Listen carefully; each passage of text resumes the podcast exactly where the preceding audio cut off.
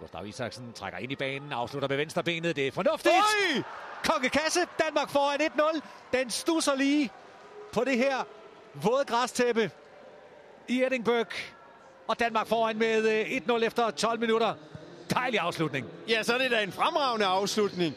Jeg synes lige, at den så lidt ufarlig ud. Det var langt udefra, og ikke umiddelbart med synderlig meget kraft med, med venstre skøjten fra Isaksen, men den må få et kunstigt opspring, for han mistimer den der totalt ind i, klasse, ind i kassen. Gustav Isaksen tilbage, og en øh, kontant afslutning fra Lindstrøm. Dår det godt. Også så Hermansen. Det er et øh, ordentligt tryk. Jeg tror, det er Middleton, der får afsluttet med venstrebenet.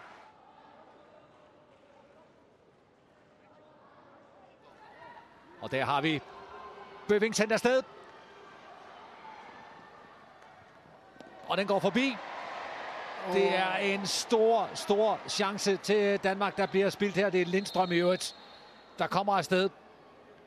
Og der er ikke offside i situationen, men der skal jo være mål. Alene med keeperen. Forsøger at chip den. Det er også Kommer måske her Hermansen med en stor redning. Wow, der var det lige ved at gå galt.